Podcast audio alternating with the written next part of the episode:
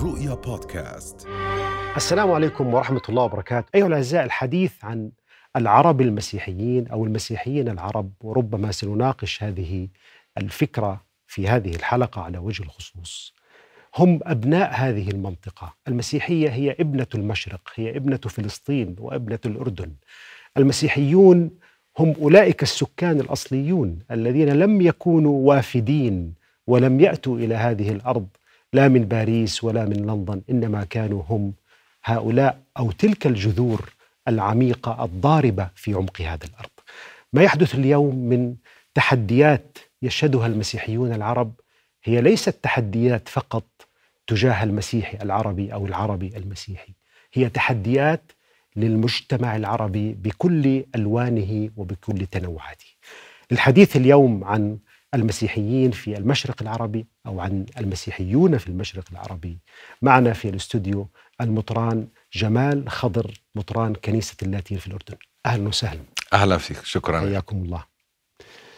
يعني في البداية سيادة المطران الحديث عن عروبة المسيحي الأردني الفلسطيني المصري العراقي أنه جزء أصيل من هذه المنطقة ربما نحتاج أن نتحدث عن هذا الموضوع لأن هناك نوع من عدم الوعي أو عدم الوضوح في مدى عمق هذه المسيحية في منطقتنا العربية. فماذا تقول عن هذا العمق التاريخي والاجتماعي والحضاري؟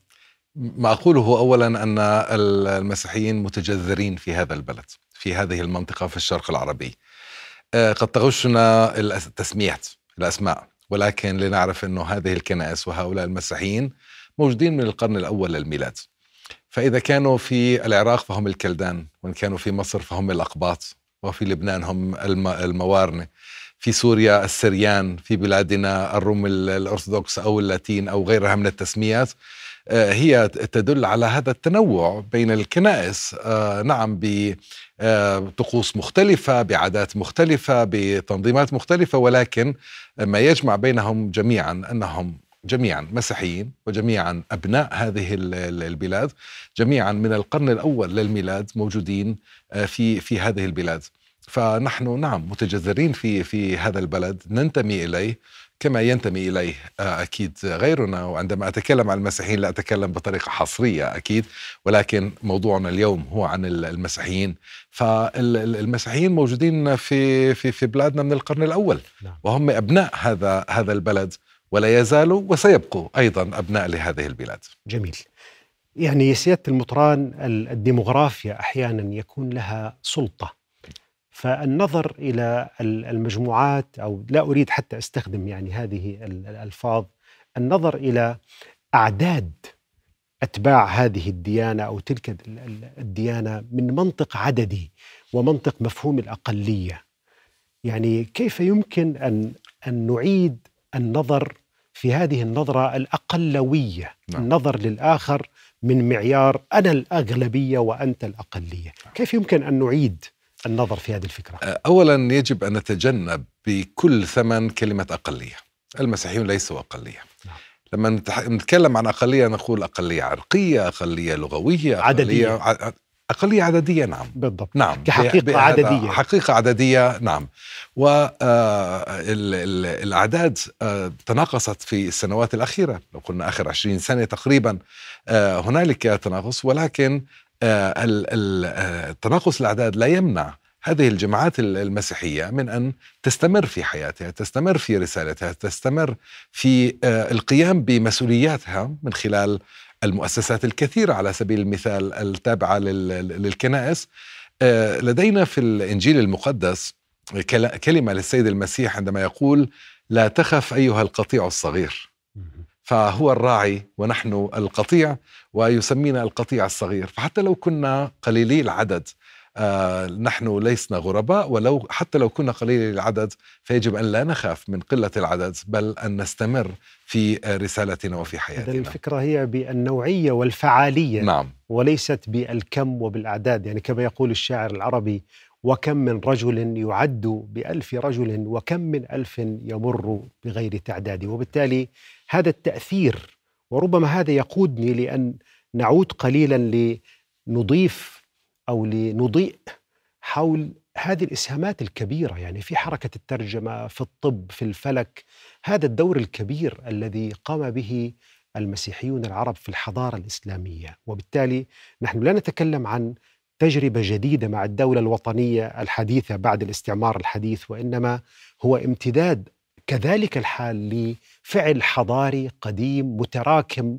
للعرب المسيحيين في الحضارة العربية والإسلامية. آه نعم هذا كان منذ بداية من منذ البداية نعلم مثلا في دمشق على سبيل المثال مع الأمويين آه وتواجد المسيحيين وخاصة حركة الترجمة من اللغة اليونانية للفلسفة اليونانية التي تعرف عليها العرب آه من خلال الترجمات ونقلوها من ثم إلى أوروبا الطب مختلف العلوم اللي وهذا التعاون اللي كان موجود آه، في آه، آه، لدى الخليفة. كان هنالك رؤساء للدواوين كانوا من من المسيحيين كانوا يعني أخذوا دورهم في الحياة العامة وفي حركة الثقافة.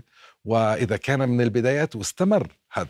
وبيبين أن في القرن التاسع عشر على سبيل المثال مع حركة النهضة إذا استطعنا أن نسميها كذلك في العديد من العلوم وخاصة في علوم اللغة العربية وبرز العديد من المسيحيين في في في في فقه اللغة العربية وفي الأدب العربي أيضا وكانوا من جبران خليل جبران, جبران خليل جبران البستاني إلى آخره في العراق قاموا بالعديد أيضا من الأعمال حول اللغة العربية إلى آخره فهم ساهموا لأنه هذا دورهم.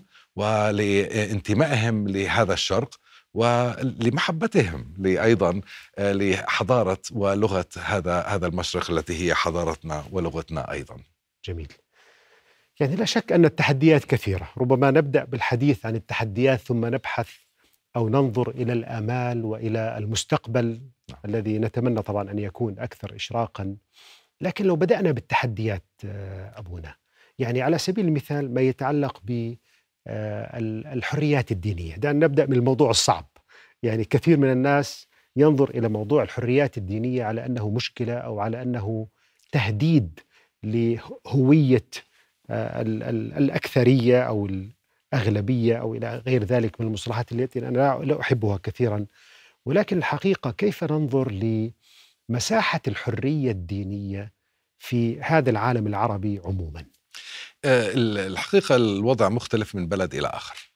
آه عندما ننظر إلى المشرق العربي ان آه مصر سوريا لبنان العراق الأردن الأراضي المقدسة فلسطين والخليج العربي أيضا. آه هنالك أوضاع أوضاع مختلفة. هنالك آه هامش من الحرية لدى البعض آه يزداد أو أو أو يقل. ما يدعو له المسيحيون دائما هو أن تكون الدولة هي للجميع دولة المواطنة. آه، الجميع مواطن في هذه الدولة وعلى هذا الأساس آه، تكون يكون موضوع الحرية الحرية للجميع آه، بشكل متساوي للجميع. ولإزالة سوء الفهم أحيانا نتحدث عن الدولة العلمانية. ولا نعني بالدولة العلمانية النمط الغربي في الدولة العلمانية وهي فصل الدين عن الدولة. ربما فصل الدين عن الدولة بالمعنى السياسي وليس فصل الدولة عن الله وعن الديانة وعن التعبد. لا, لا, لا, لا هذا النمط الغربي في إلغاء الديانات وحصرها في المجال الفردي الخاص للإنسان. لا الديانة مهمة بالنسبة لنا ولكن دولة المواطنة حيث يتمتع الجميع بنفس الحريات بنفس الحقوق بنفس الواجبات أيضا. هذا ما نسعى إليه حتى لا تكون الدولة لمجموعة ولو كانت الأغلبية على حساب الأقل عددا. آه، الدولة الحديثة هي الدولة التي آه، تعامل كل مواطنيها بشكل متساوي آه، ولا تكون دولة لفئة معينة. هل التحدي الكبير في عالمنا العربي هو تحدي الدولة الحديثة تحدي بناء حقوق وواجبات متساوية بين المواطنين وبالتالي موضوع الدين ليس هو المشكلة في الأساس وبالتالي نحن نتحدث عن المساواة حتى بين مسلم ومسلم. نعم, آه نعم اؤكد على على هذا الموضوع حتى يشعر كل مواطن أنه في بلده. نعم. آه وأنه آه يعامل بشكل متساوي. لا أريد أن نصل في يوم من الأيام أن يشعر المسيحي في أي بلد من البلدان العربية إلى خلاصة أن مكاني ليس هنا. نعم. لست مرغوب فيه. آه، آه، لا أتمتع بحقوقي آه، كاملة فلأبحث عن مكان آخر. هذا أسوأ ما يمكن أن تؤدي إليه. هذا التفاوت في الحقوق والواجبات على أسس غير أسس المواطنة للجميع. فعندما نبني هذه الدولة يشعر كل فرد فيها أنه منتمي لها. لدينا مثال إيجابي جدا في الأردن. آه ولما آه ننظر إلى المسيحيين اللي موجودين في الأردن لا يوجد لديهم أي أدنى شك أو تردد في آه انتمائهم الوطني وفي انتمائهم لهذا للأردن. بالضبط. آه وهذا مثال رائع جدا. للأسف غير موجود في كل الدول العربية. آه بنفس الطريقة. سيادة المطران يعني فعلا أنت أشرت لقضية مهمة. يعني أنا كنت قبل فترة في مؤتمر وكان بعض الأخوة ليس فقط مسيحيين يعني كان هناك من طوائف مختلفة يعني آه، أيزيدية كاكائية آه، زرادشتية من بعض أنحاء هذا الوطن العربي. فلمست أن البعض قد يستخدم لغة المظلومية وكأن الظلم صفة طبيعية في مجتمعاتنا العربي وخاصة عندما يكون الخطاب تجاه فئات غربية أو وجود يعني مسؤولين غربيين أنا أشعر بأن هناك نوع من الخلل في عرض قضايانا الداخلية وهناك من يتلقف نعم. هذه الفكرة من بعض الجهات الخارجية ويسعد ويسر لوجاد لوجود هذا النوع من الخطاب للأسف الذي ربما يسيء لنا جميعا مسلمين ومسيحيين نعم. وغير ذلك. هنالك آه، من آه، يطيب له هذا آه، التقسيم في الغرب هنالك مثلا من يدعون أنهم يريدون حماية ودعم المسيحيين المضطهدين آه لما بيجوا على الأردن هون كلهم أنتم في المحل الغلط. يعني ما يعني مش إحنا اللي آه نشعر بأي نوع من آه فنعم هنالك من يرغب بأن يرى المشرق مجزأ مقسم. من ناحية أخرى علينا أن نراجع أنفسنا. بعد الدولة القومية التي كانت تجمع الجميع اليوم نرى في العديد من الأماكن الدولة الطائفية نعم. والتي آه، توزع المواطنين حسب الطائفة. وهنا الظلم لا يقع فقط على الطوائف الصغيرة ولكن يقع على المسيحي والمسلم والصابئ وعلى الجميع. فإذا نظرنا إلى العراق على سبيل المثال اليوم التقسيم ما بين الشيعة وسنه وسريان وإلى آخره كل هذه آه، فأصبح ليس الانتماء العراقي الذي نتمنى ان أن يعود وأن يكون قوي لدى لدى الجميع آه هذا الانتماء الطائفي والتقسيمات الطائفية ستخلق جماعات تشعر انها يعني انها أنها والمادر يعني؟ كأنه الطرح القومي الذي كان في العراق كان على الأقل يجمع يعني يجمع الجميع, الجميع. ولم يكن نعم. كان يقف بمسافات متساوية من الجميع. هذا سني هذا شيعي. ليست المشكلة في كونه سني أو مسيحي أو مسلم. صح. فكأن الخطاب القومي أحيانا لو نقارنه بالخطاب الطائفي سنجد كان أنه هناك نعم. أنه أفضل بكثير. ثم هنالك آه، أمر خاص فيما يتعلق بالمسيحيين وهو آه، الموضوع ليس موضوع عددي بالنسبة لنا. الموضوع هو موضوع وجود موضوع رسالة وموضوع شهادة. إذا كنا قليلي العدد أو كثيري العدد نفس الرسالة نفس الخدمة التي نؤديها. فعلى قلة عددنا لا نزال وهذا الحوار الذي يتم دائما ما بين الكنائس وداخل الكنائس نفسها وبين المسيحيين آه، الموضوع لا يتعلق بالعدد ولكن كيف نستطيع أن نعيش في هذه رسالتنا في خدمة البلد الذي نحن موجودين فيه.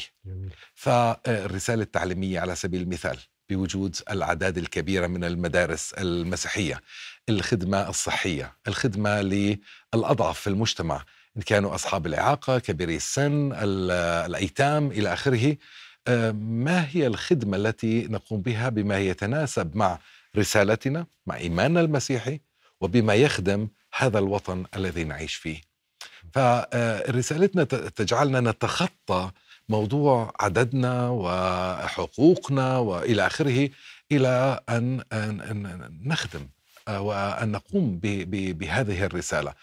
أكيد إحنا بهمنا أن آه، يبقى جميع المسيحيين في المشرق العربي أن لا يفكر أحد بالهجرة وأسبابها كثيرة وأن يشعر كل شخص بأنه آه، منتمي إلى البلد الذي يعيش فيه هذا هذا موضوع مهم من أجل آه، حاضر ومستقبل الكنيسة ومستقبل البلاد التي نعيش فيها. جميل يعني سيادة المطران الإسهامات الوطنية إذا صح التعبير لها جوانب مختلفة. يعني هناك جانب حاليا يعني يثار نقاش حول مثلا بعض القوانين التي تتعلق بالأحوال الشخصية مثلا للكنائس على سبيل المثال موضوع المواريث.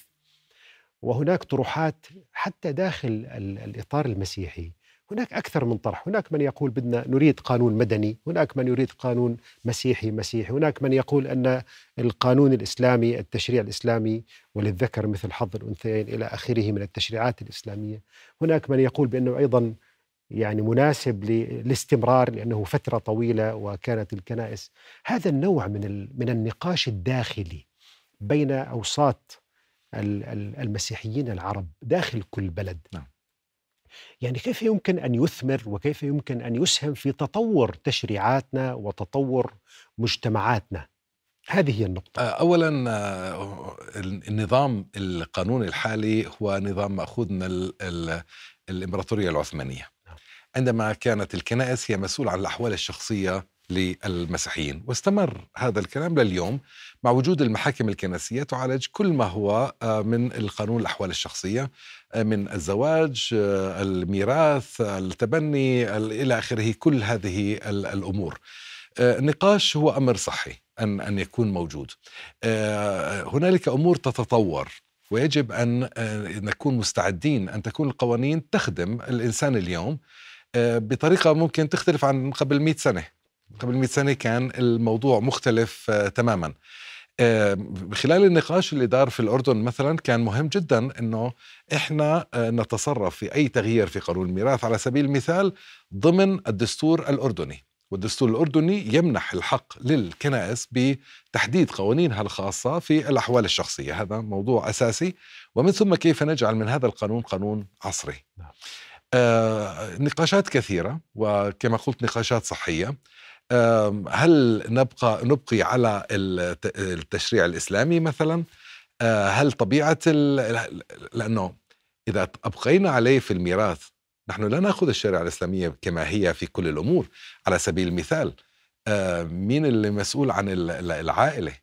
وما هي مساهمة المرأة في الحياة؟ المهر المؤخر الذهب إلى آخره. هذه أمور موجودة في الشريعة الإسلامية مش موجودة. عندنا فإذا بدنا نأخذ آه، المرأة في الإسلام تأخذ حقها. ولديها كل ما يلزم إلى عندنا في المسيحية لا ينطبق عليها إلا موضوع والله الميراث. هون يعني سيادة المحترم فعلا في نقطة مهمة أتصور. في العقل آه، الديني المسيحي وربما هي يعني فعلا فيها نوع من الاتساع ربما والأفق نعم. الواسع أن المسيحية ركزت على القيم الروحية والأخلاقية أكثر بكثير من تركيزها على التشريعات التفصيلية نعم. للحياة اليومية صحيح وربما هذا وأريد أن أستمع لرأيك الحقيقة أعطى مجال للاجتهاد العقلي عدم وجود نص محدد نعم. في العهد القديم سمح للعقل المسيحي أن يجتهد نعم. في مساحة واسعة أريد الحقيقة ان ان أن نركز على هذه الفكرة. إلى أي مدى هي صحيحة؟ أعطيك مثال على صحة ما تفضلت به وهو قانون الكنيسة الكاثوليكية. نعم. لا يتعرض لموضوع الميراث بطريقة تفصيلية ويقول أن كل كنيسة تستخدم القوانين الخاصة بها والقوانين الموجودة في ذلك البلد. المحاكم الكنسية في فرنسا لا تعتمد قانون الإرث على سبيل المثال. هنالك دولة تهتم بهذا الموضوع. في بلادنا كان الأمر الطبيعي جدا أن نأخذ القوانين الإسلامية وأن نطبقها. فالقانون الكنيسي يسمح لكل كنيسة في كل بلد أن تتبنى القوانين الخاصة فيها. رأينا لفترة طويلة الموضوع العشائري والقبلي في في بلادنا فيما يتعلق في توزيع الأراضي على سبيل المثال. فإذا تقسيم الميراث ما بين الرجل والمرأة هو للحفاظ على الأرض باسم العائلة على سبيل المثال وهذا أمر خاص ببلادنا على سبيل المثال. اليوم العالم تغير آه، فبدنا نحاول أن نكون عادلين لأنه العدل هو الأساس في في القوانين في التشريعات كلها. آه، خصوصا أن هنالك ظلم لاحظنا أحيانا. آه، ظلم للمرأة ظلم بالضغط على المرأة في التخارج في تنازلها عن عن ميراثها. الظلم للمرأة إذا ما لهاش إخوة فكل العائلة بتورث على سبيل المثال. هنالك ظلم للمرأة في العديد من الحالات فحاولنا أن نعالج هذا الخلل اللي موجود لحماية العائلة ولحماية المرأة بالذات ولمراعاة الوضع اللي إحنا موجودين فيه. ففي هذه المساحة من الحرية اللي من التشريعات آه، اللي, اللي متروكة لنا وما هو إيجابي في الأردن وهو أنه العمل تم بين كل الكنائس. المسؤولين عن المحاكم الكنسية في مختلف الكنائس لكي نقدم قانون يشمل كل المسيحيين حتى الآن كل كنيسة لها قانون خاص تطبقه. آه اليوم إحنا آه قدمنا آه, آه، مسودة مقترح لقانون ينطبق على كل الكنائس معا وهي خطوة إلى الأمام. جميل. يعني سيادة المطران في كثير قضايا. يعني مثلا ذكرت قبل قليل موضوع المرأة وكيف أن المرأة لأسباب حتى اجتماعية وطبيعة النسيج الاجتماعي وسلطة الرجل أحيانا تكون أكثر نعم.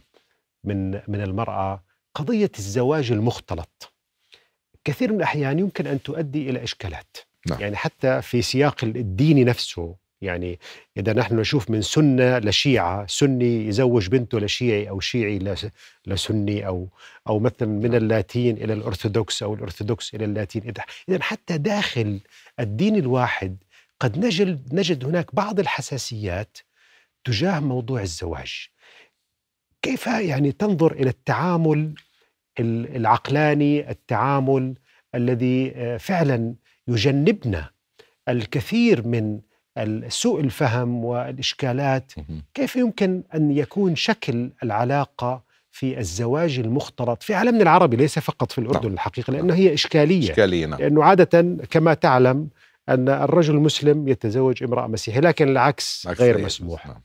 فهذه الإشكالية كيف يمكن أن نتعامل معها في مجتمعنا بطريقة تنسجم مع أول شيء الحق الديني والمنظور الديني الشخصي وبنفس الوقت كيف يمكن أن تجنبنا آه، الإشكالات التي يمكن أن تنتج عنها؟ اولا آه، عندنا خبرة طويلة في هذا الموضوع آه، خاصة موضوع الإشكالات التي تنتج عن هذه الزواجات المختلطة. فإذا كنا نعارض هذه الزواجات لأننا نعلم ونرى أن أغلب هذه الزواجات لا تنجح لأسباب كثيرة. عدم اتفاق الوالدين على نفس الديانة في تربية الأبناء يخلق أزمة هذا.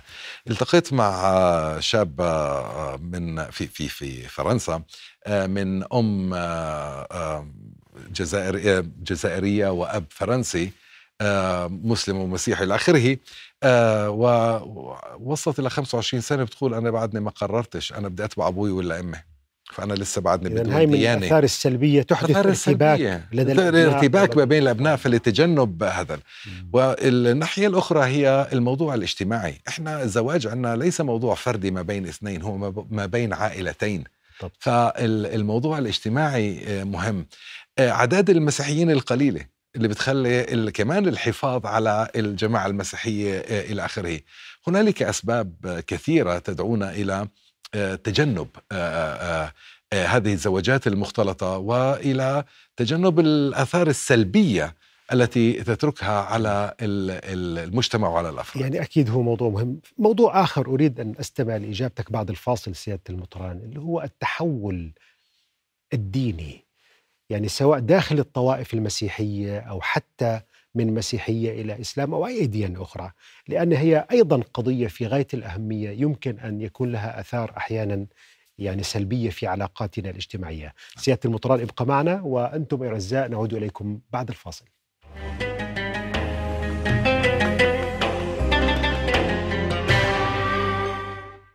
السلام عليكم ورحمة الله. عدنا إليكم من جديد أيها الأعزاء والحديث عن المسيحيين في المشرق العربي وضيف حلقتنا لهذا اليوم المطران جمال خطر سيادة المطران تغيير المعتقد ربما هو ظاهرة موجودة في كل المجتمعات. يعني حتى أن المسلمين قبل أن يكونوا مسلمين كان جزء منهم وثنيين كان جزء منهم مسيحيين بل حتى أنه هذه بلاد الشام الغالبية العظمى كانوا مسيحيين.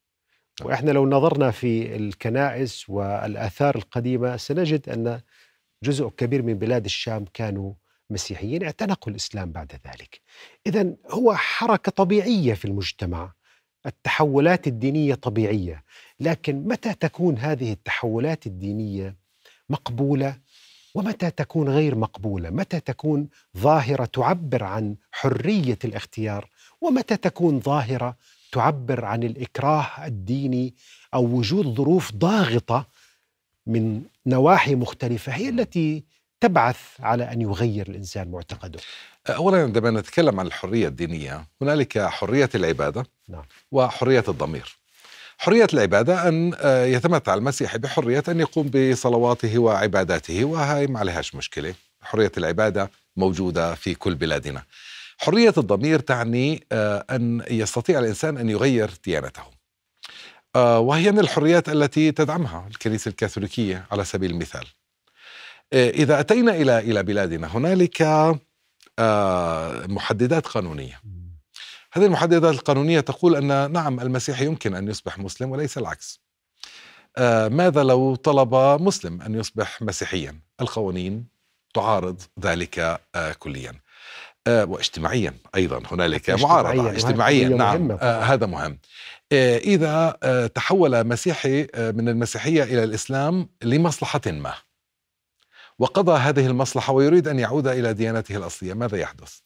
آه، هنالك حالات كثيرة محددة ونعرف عنها أنه آه، صار مسلم حتى يتخلى عن مسؤولياته تجاه عائلته. على سبيل المثال هذا إسلام مصلحة وهو آه، أعتقد شرعا غير مقبول أيضا إذا كان عنا إذا كانت مجتمعاتنا العربية تقبل حرية الضمير فنحن مع هذا يعني هون يمكن سياده المطران إنه القضية كما ذكرنا في البداية اللي هي قضية المساواة في الحقوق نعم. والواجبات وبالتالي أي تشريع هو من طرف طبعا. واحد سيبقى مهما كان هناك نظرة بنوع من الانتقاص أو أن نعم. هذا التشريع يحتاج إلى أن يكون أكثر توازنا، لكن الحقيقة قضية الهوية الدينية وامتزاجها. يعني ذكرت قبل قليل سيادة المطران إنه في مجتمعاتنا الجانب الاجتماعي النظرة الاجتماعية يعني سواء كنا نتحدث مسلم أو مسيحي هو ينظر إلى الدين كهوية. نعم.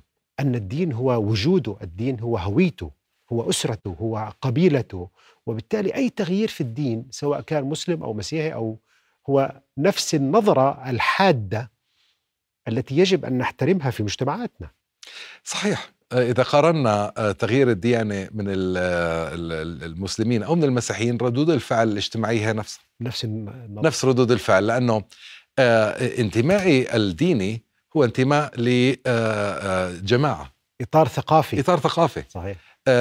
جماعة. هذه الجماعة علي أن أبقى فيها أخضع لقوانينها إذا جاز التعبير ولا أستطيع أن أترك هذه الجماعة. ففي هذا الانتماء الاجتماعي أيضا. وليس فقط الديني على المستوى الفردي. آه، الديانة تحدد آه، طبيعة العلاقات التي أكونها في المجتمع. آه، إلى آخره.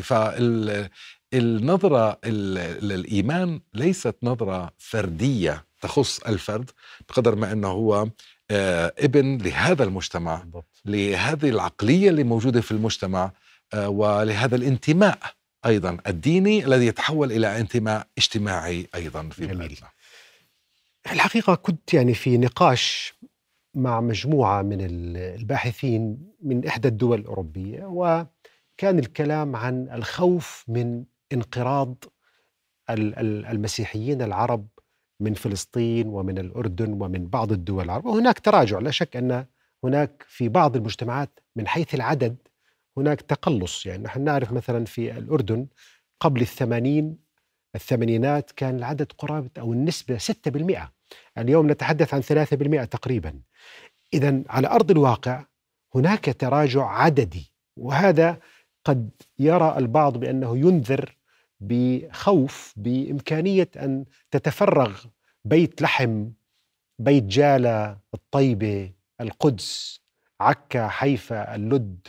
عمان آه، إربد الكرك بعشائرها المسيحية نعم. الكبيرة والمعروفة عندنا في هذا البلد فهناك من يثير المخاوف لكن بعد ذلك عندما تطلب من هؤلاء أن يعطوا الفرصة للمسيحي الفلسطيني أن يعود إلى فلسطين، أن يعود للقدس. لماذا لا يتدخلوا من أجل الضغط على الحكومة الإسرائيلية لأن يسمحوا للفلسطيني المسيحي، لا نريد أن نتحدث عن الفلسطينيين المسلمين. هناك حوالي سبعة مليون، لكن هناك قرابة مليون مسيحي فلسطيني موجود في أمريكا اللاتينية وفي أوروبا وفي الولايات المتحدة لماذا لا يضغط على حكومة الاحتلال لتسمح للأردن وكل بلد عربي يرحب بأن يعود إليه أبناء المسيحيين نعم. لكن إسرائيل لا تسمح لهذا المسيحي الفلسطيني أن يعود إلى القدس وإلى بيت لحم وإلى عكا وحيفا ويافا. هذا هذه السنة هي 75 سنة على النكبة. نعم. وكثير مرات ننظر إلى النكبة أنها حدثت قبل 75 عام في سنة 48 الحقيقة النكبة مستمرة. بالضبط. النكبة في طرد الفلسطينيين ومن بينهم المسيحيين ومنعهم من العودة إلى مدنهم وقراهم. هذه السياسة التي بدأت قبل 75 عام مستمرة إلى اليوم. والضغط على المسيحي آه، كما هو الضغط على ال- الجميع الفلسطينيين لكي يترك ال- ال- فلسطين ويرحل لا يزال موجود. آه، آه، هل نستطيع أن نتخيل في يوم من الأيام أن مهد المسيحية المسيحية بدون مسيحيين ستكون كارثة ليس فقط لمشرقنا ولكن هي, للعالم هي كأن تتخيل النيل بلا ماء نعم يعني كيف أو- منبع أو ال- المسيحية أو أي بحر. بلا ماء يعني نعم. سيفقد هويته فمن هون ال- ال- الدعم آه، وجود المسيحيين في فلسطين هو مسؤولية كثير مرات اللي بنقوله إنه أنا كمسيحي آه، فلسطيني ما عندي مشكلة لأني مسيحي أنا عندي مشكلة لأني فلسطيني نعم. فإذا آه، كان هنالك حل عادل للفلسطينيين وقتها سيبقى المسيحي وسيعود الكثير من المسيحيين أيضا إلى إلى فلسطين آه، لكي يعيشوا في في هذا البلد.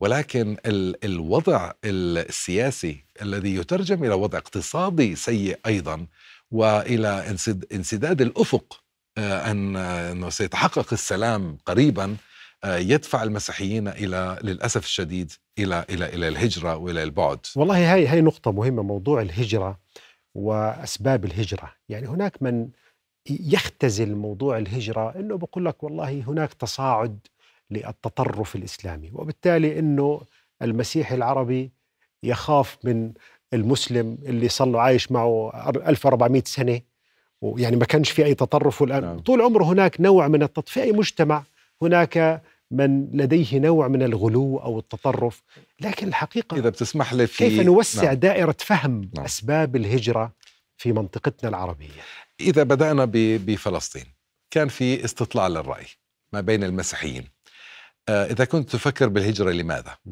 فكان 91% من الإجابات بسبب الاحتلال الإسرائيلي ثم كان هنالك هذا في فلسطين. في فلسطين. في أي في الداخل وفي الضفة الغربية لدى الجميع. فلسطين التاريخية. التاريخية.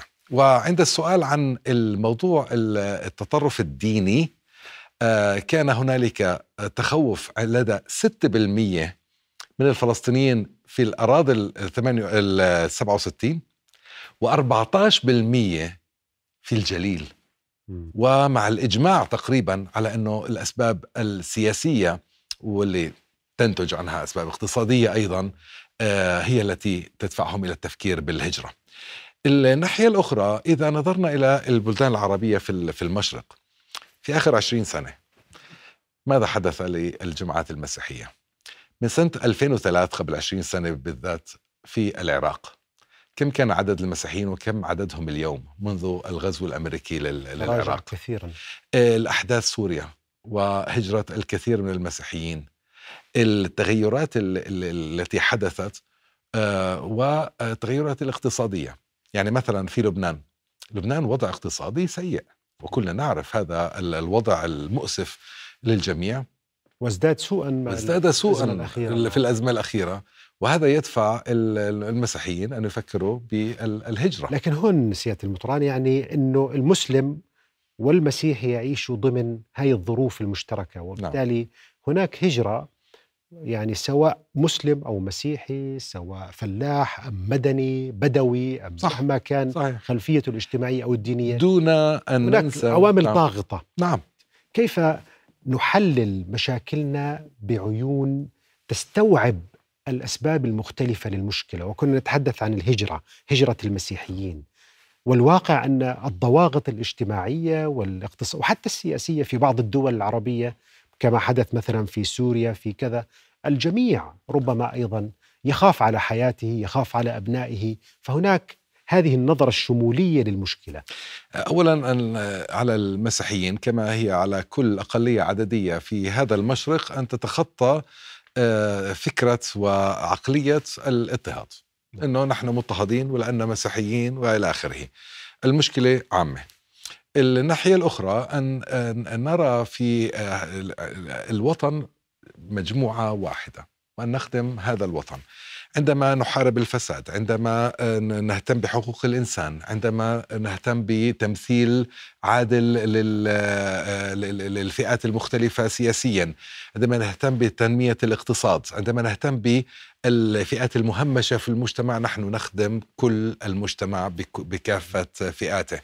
هذا التوجه اللي, آه، اللي مطلوب. توجه إنه للجميع والجميع ينتمي إلى هذا الوطن. ومساعدة هذه الفئات القليلة العدد على شعور بأنها في وطنها وأنها مرغوب فيها نريدها أن تكون وأن تستمر في وجودها هنا. الأغلبية العددية لا تنتبه إلى مخاوف الأقلية العددية. الأقلية العددية بتخاف من الذوبان من الانتهاء آه، تخاف على على على ذاتها على بقائها. وهذا يجب أن ينتبه له آه، ابن الأغلبية نعم. العددية آه، ينتبه إلى هذه المخاوف. آه، على سبيل المثال كل انتقال من المسيحية إلى الإسلام نشعر أنه تهديد لوجودنا. على المسلم أن يعي هذه المخاوف وأن يساعدنا على أن نعيش في هذا البلد. هي يعني الشعور بالآخر. وبالتالي هذا سينقلنا إلى ربما سؤال من نوع آخر أن هذا الجانب النفسي والأخلاقي بالنظر للاخر واحترامه وأن تحب لأخيك ما تحب لنفسك وهذه القاعدة الذهبية الموجودة نعم. في أيضا في المسيحية نعم. موجوده في كثير من الأديان اذا هل هل تشعر بأن طريقة فهمنا للدين يمكن أن تساعدنا في التعامل مع الآخر الديني وهون أنا أريد الحقيقة أن أظهر موضوع كلمة سواء يعني هاي الوثيقة التي كان للأردن الدور الأكبر فيها التي ركزت أن هناك قواسم مشتركة بين الإسلام والمسيحية محبة الله ومحبة الجار أو القريب وفق المصطلح نعم. المسيحي. أن هناك ما يجمعنا حتى من قيم دينية عميقة محبة الله ومحبة الإنسان. إذا كيف يمكن أن نحول هذه القيم إلى علاقة أفضل في مجتمعاتنا العربية. آه، يعني أنا على قناعة إنه آه، إخلاصنا إلى ديننا آه، كل إنسان إلى إلى إلى ديانته وتعمقه والتزامه بهذا الدين يجعله أكثر انفتاحا على الآخرين. لا يرفض الآخر ولكن يتقبله.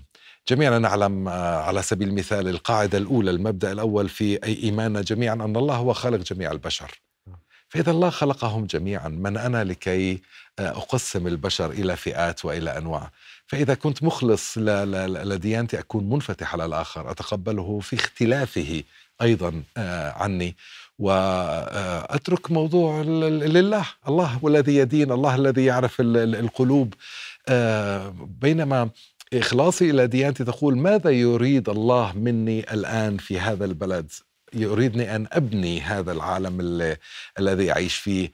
آه، يريدني أن أجعل منه عالما أفضل عالما منفتحا على الآخرين أن أرفع من قيمة الإنسان ومن كرامة الإنسان. اي ديانه لا تدعو إلى هذه القيم.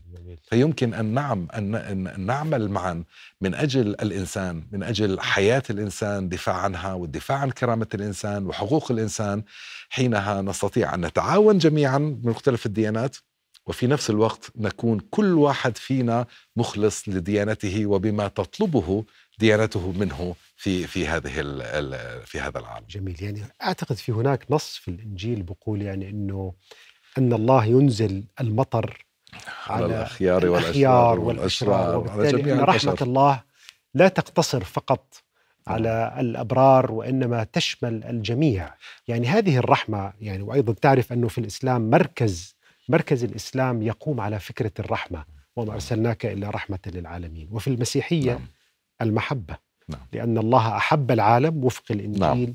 فأرسل ابنه أو أرسل المسيح نعم. عليه السلام نعم. لهذه البشرية يعني كيف يمكن أن نصالح بين الرحمة والمحبة إذا كان هناك من يظن أن بينهما خصام والحقيقة أنه لا لا, لا, لا خصام بينهما آه. المهم أن نكون آه، آه، أن نقف أمام الله. جميل. وبكل صدق. نعم. وبكل إخلاص. نقف لكي نعبد الله جميعا. كل ممكن بطريقته. وفي النهاية أن نرى إذا خلقنا الله في هذا العالم فما هي الرسالة التي يحملنا إياها؟ ونراجع أنفسنا. هل فعلا نقوم بهذه الرسالة؟ عندما تحدثت في البداية عن دور الكنيسة وعن رسالة الكنيسة ومحوريه رسالة الكنيسة. أنا موجود هنا لكي أقوم برسالة آه، رسالة لمين؟ للجميع لخدمة الجميع لخدمة البلد. إذا أخذنا على سبيل المثال الرسالة التعليمية لرفع مستوى الإنسان ونعلم أهمية التعليم على سبيل المثال في رفع من مستوى الإنسان أن نقوم بالرسالة التي أوكلها الله لنا في هذا العالم.